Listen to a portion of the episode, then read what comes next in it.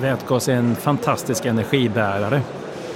Så vi kan alltså omvandla sol, vindenergi, förnybar energi eller biodrivmedel. Eh, vi kan omvandla det till vätgas och sen lagra det i vätgas under väldigt lång tid tills vi har ett behov av energi igen och då kan vi göra om det till el eller göra om det till andra produkter.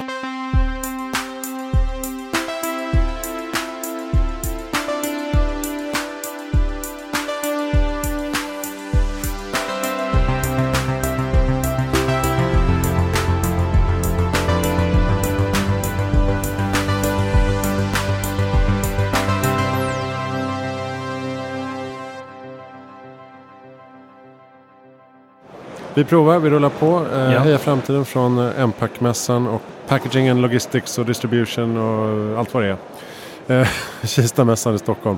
Sitter här med Björn Aronsson från eh, Vätgas Sverige. Verksamhetschef kommer vi fram till.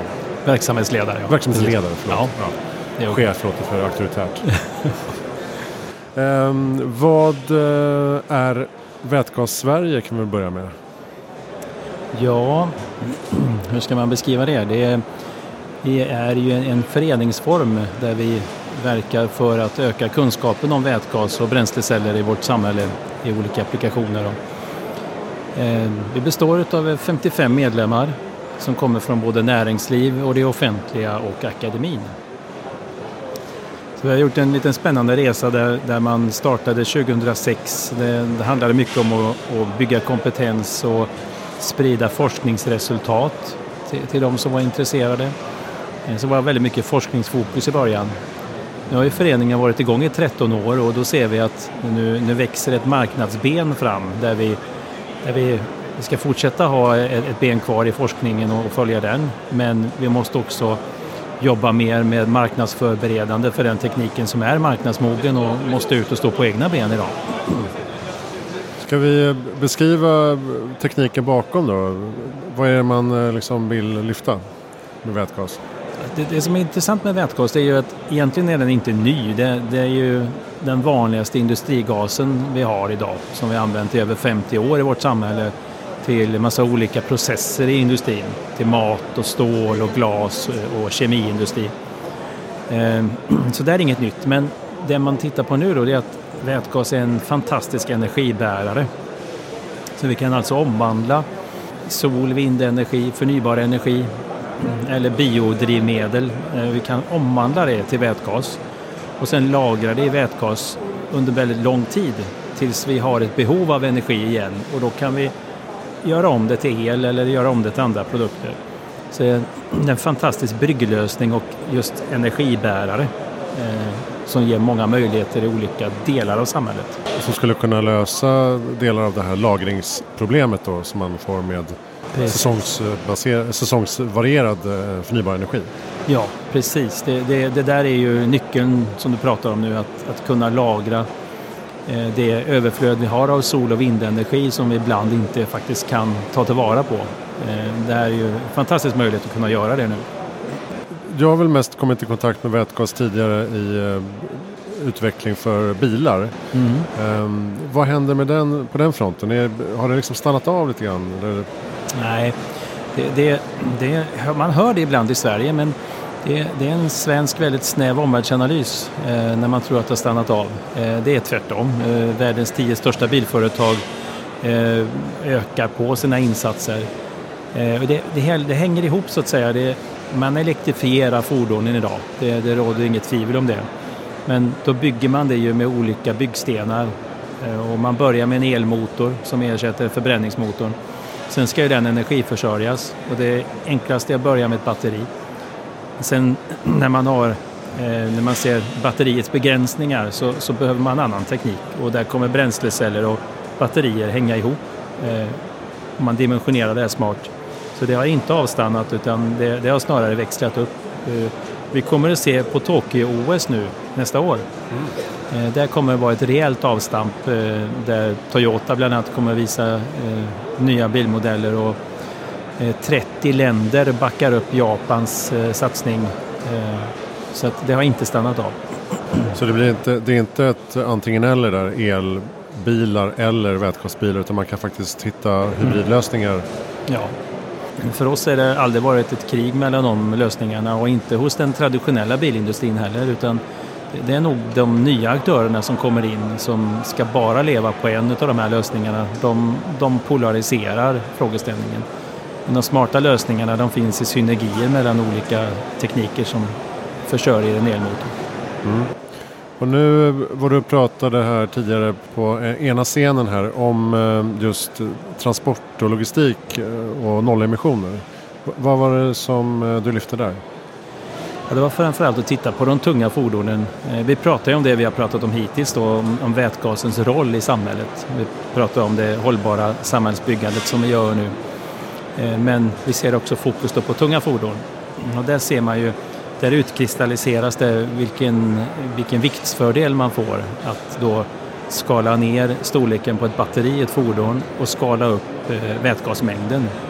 Eh, och det ser vi på, på eh, bussidan framför allt men också på lastbilssidan de senaste dagarna så, så har det kommit ut tillkännagivande om, om olika märken som satsar nu på den tekniken för lastbilar.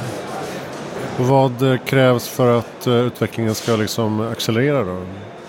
Så det, det, det är ju mycket politik igen då. Det handlar mycket om styrmedel. Eh, vi ser vissa länder, eh, vissa länder i Asien, även Kalifornien, eh, Eh, som har väldigt kraftiga styrmedel för man vill få till en förändring. Eh, vi ser vad Norge har gjort på elbilsidan, att kraftiga styrmedel får till en förändring. Eh, så att det, det gäller att de som vill få en förändring måste våga ta till starka styrmedel. Sen tekniksamarbeten. Det är, ny teknik är alltid dyr i början. Och vi ser positivt nog att konkurrenter samarbetar. Eh, mycket mer än vad jag har sett förut. och det tycker jag är väldigt positivt. Mm. Finns det någon eh, säkerhetsaspekt? alltså finns det någon risk med eh, vätgas? Alltså är den explosiv? Ja, ja visst. Alltså alla, alla drivmedel innehåller mycket energi. Och, och, eh, mycket energi, det innebär risk. Eh, så att eh, alla, alla, allt el, vätgas, flytande drivmedel, allt har en risk om man hanterar det fel. Eh, så det är väldigt viktigt att, att riskanalysen blir rätt gjord ehm, och att man, att man väger in det. Eh, de som bygger fordonen, de vill inte att kunderna ska vara rädda för det. Och eh, på vissa marknader så, så, blir det väldigt dyrt ifall man har ett farligt fordon. Om vi tar USA till exempel. Så man skulle inte våga släppa ut teknik som är farlig. Och jag tycker att de ingenjörerna jag har sett nu och de lösningar som kommer, där har man tagit väldigt eh, stort, eh, stor vikt vid säkerhetsfrågan. De fordonen som kommer ut nu, de är minst lika säkra som de vi kör omkring med. Eh, det finns en hel del saker som säger att de är säkrare. Och det är mycket tuffare för ny teknik att komma in idag, för vi har en, en större kunskap.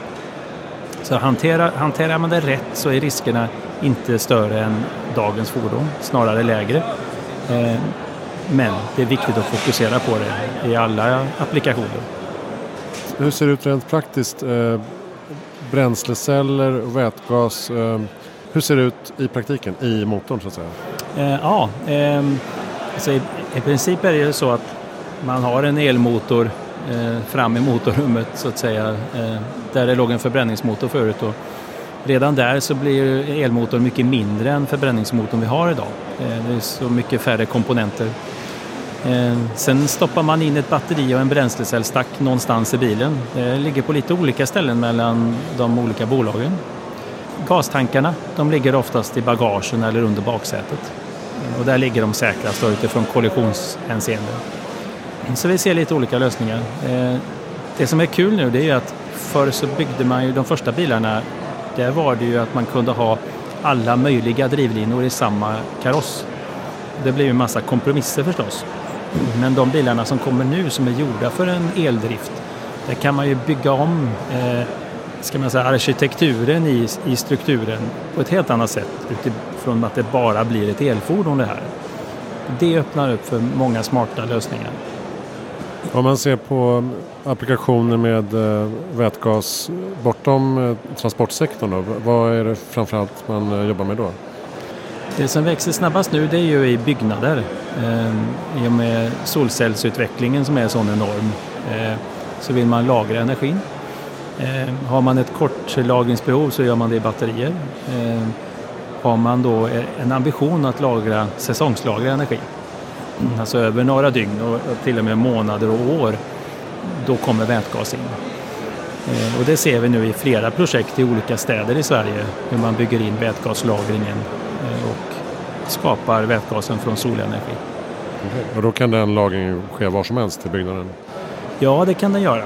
Eh, och där kommer ju säkerhetsaspekten in då att man, man vill säkert ha en separat byggnad eller kanske taket är en väldigt bra lagringsplats för, för den gasen. Då. Vi har ett projekt just nu där vi vill titta på hur påverkar det här arkitekturen på kommande byggnader? Om vi ska väga in att ta hand om allt behov vi har av att ta hand om solenergi, lagra energin eh, och sen vill vi ha ett praktiskt hus som är snyggt. Eh, vi vill se energin ibland, ibland vill vi dölja den. Så vi driver just nu ett projekt med kreativa aktörer för att få fram ett sådant koncept om en modern energibyggnad för framtiden. Okay. Hur ser du på framtiden inom de här områdena? Nu sitter vi med massa experter inom liksom, eh, distribution, logistik, förpackning och så vidare. Eh, känns det som att börja liksom röra oss mot eh, samma mål och börjar tänka hållbart? Ja, alltså först var det förstås eh, ord som många företag behövde ha i sin marknadsföring. Eh, men eh, jag tycker man har kommit mycket längre nu och eh, jag fick en, en sån stark signal här på en konferens jag var på i slutet på juni uppe i Norge Eh, där det var då distributionsföretag från hela Europa på plats. Och man var väldigt, väldigt tydlig att vi, vi nöjer oss inte med fossilfrihet. För oss är det en nollemission som gäller. Eh, och det var otroligt starka signaler och, och, där, där var inte riktigt fordonsbranschen i Europa med på matchen, eh, märkte vi. Så att, eh, det var mycket starka budskap. Och där ser vi att man har kommit längre på det området i till exempel Asien.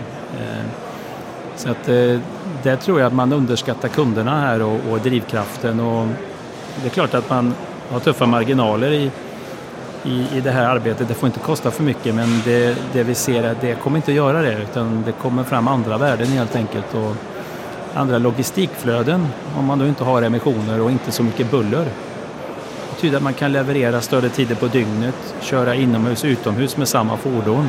Så det öppnar ju upp för väldigt spännande lösningar. Just det. Och just det där tankesättet som du säger, alltså att inte fokusera bara på fossilfritt eller inte. Utan det är inte det som är det intressanta utan det är ju släpper ut CO2-emissioner eller inte. Och, och där får man ju också tänka hela kedjan. För man kan ju köra emissionsfritt i fordonet men man kan ju skapa väldigt stora emissioner i en annan del i, i, i värdekedjan. Så att, eh, det är att tänka LCA, hela livscykelanalystänket här. Och, men eh, jag ser ju på, på, bara ett år så ökas kompetensen enormt hos aktörerna, hos beställare av, av olika lösningar. Och man kommer att kravställa mycket tuffare. Eh, jag tror inte bransch, många branscher är riktigt redo på den snabba förändring i den kravställning som kommer att ske i upphandlingar. Och så. Ja, bara att samtalet förändras eh, bidrar ju liksom. Ehm, bra, tack snälla Björn Aronsson från Vätgas Sverige. För att du Kul. kom till Heja Framtiden. Kul att vara här. Var hittar man er? Vatgas? Ja, vatgas.se. vatgas.se.